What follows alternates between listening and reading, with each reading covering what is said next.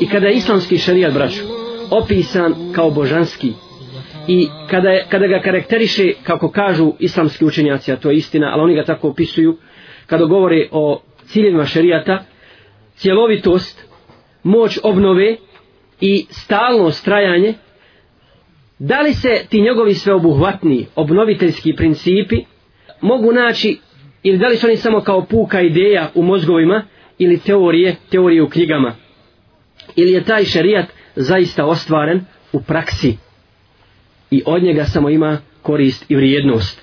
Dakle, šerijat koji je ostvaren u praksi koji se može opipati i vidjeti.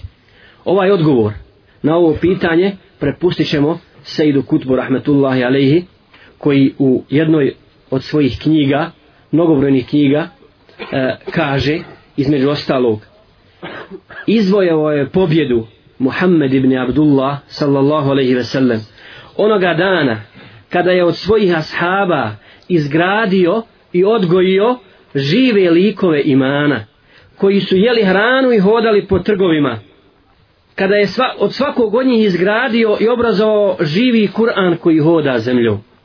Pogledajte kako je Sejid Kutran razumio zbog čega je uspjela prva generacija. Resul sallallahu alejhi ve sellem je odgojio ljude i izgradio od njih žive Kur'ane i kada je svakog pojedinca načinio primjerak ili uzorak od tjelovljenog islama. Od tjelovljenog islama koje kada ljudi vide, vide islam. Kad vide njega, njegovo ponašanje, njegov način života, prepoznaje u njemu islam. Jer kaže Sejid Kud nastavlja dalje, sami tekstovi ne mogu sačiniti ništa. Sam mushaf ne može djelovati dok ne postane praksa ili kako on kaže dok ne postaje čovjek. I sami principi ne mogu živjeti i opstati dok ne postanu ponašanje i životni put. Zbog svega toga je, kaže Muhammed sallallahu alaihi ve sellem, za svoj prvi cilj uzeo izgradnju ljudi, a ne samo vazove, a ne samo držanje predavanja ljudima. Izgradnju srca, a ne samo držanje kitnjestih hudbi. Uzeo je za svoj cilj izgradnju ummeta, a ne uspostavu nekakve, nekakve filozofije. I on je jednu ideju, odnosno božansku ideju, kuransku ideju, preobrazio u ljude koji se mogu dodirnuti, dodirnuti i vidjeti. I kaže, izdvojao je pobjedu Muhammed sallallahu alaihi sallam onoga dana kada je od islamske ideje izgradio ličnosti i on je jedan jedini primjera Kur'ana jedan jedini primjer Kur'ana oštampao u stotine i hiljade primjeraka ali kaj nije ga štampao, nije ga štampao tintom na papiru, nego Allahovim svjetlom je odštampao taj Kur'an na srca ljudi. Na srca ljudska, na srca živih ljudi koji su kasnije svojom praksom svjedočili šta u stvari znači Islam. Šta je to Islam sa kojim je došao Muhammed sallallahu alaihi ve sellem? I zaista, dakle, ovo, je, ovo su citati iz njegove knjige Vjerasatno Islamije. I da li je Dunjaluk upoznao bolje ljude od tih? I pobožniji, i učeniji, i hrabriji, i skromniji, i ponizniji, i darežljiviji. Sve osobine istinskog čovjeka posjedovali su ashabi. I dosta je veličine što ih Allah spominje u Kur'anu na mnogim mjestima. Na mnogim mjestima opisuje osobina ashaba i ti ajeti se uče do sudnjega dana. Kaže Allah Đelešanu Muhammedu Rasulullah والذين معه أشداء على الكفار رحماء بينه jedan opis samo. Muhammed je Allahov poslanik, a oni koji su s njim šta? Žestoki su prema nevjernicima. I odmah mi danas poredimo naše stanje. Ima li pri nama te osobine? Zašto muslimani danas stagniraju? Fali im prvi, u prvom majetu kojeg su stir, fali im ta osobina žestoki prema nevjernicima, samilosni među sobom. Mi bi odmah mogli obrnuto govoriti. Muslimani danas žestoki prema sami sebi, a samilosni, samilosni i blagi prema, prema, prema nevjernicima. Ili, druga osobina iz sure Zarijat, kaže Allah žestom za njih, وَكَانُوا قَلِيلَ مِنَ اللَّيْلِ مَا يَهْجَعُونَ I oni su malo u noći spavali. وَبِلْ أَسْحَارِهُمْ يَسْتَغْفِرُونَ I u zoru su tražili oprosta uzoru su traži oprost od Allaha Đelešanu.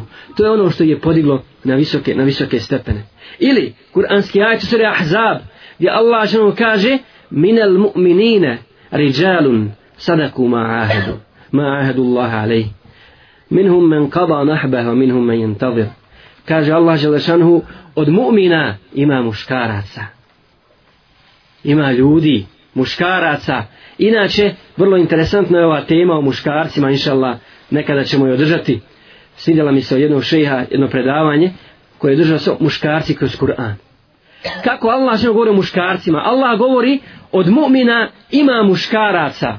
Muškaraca koji su ispunilo ono što dali, obećanje koje su dali Allahu Đalešanu. Od njih su oni, ima oni koji su poginuli, koji su žrtvali svoj život, a ima onih koji, koji to čekaju.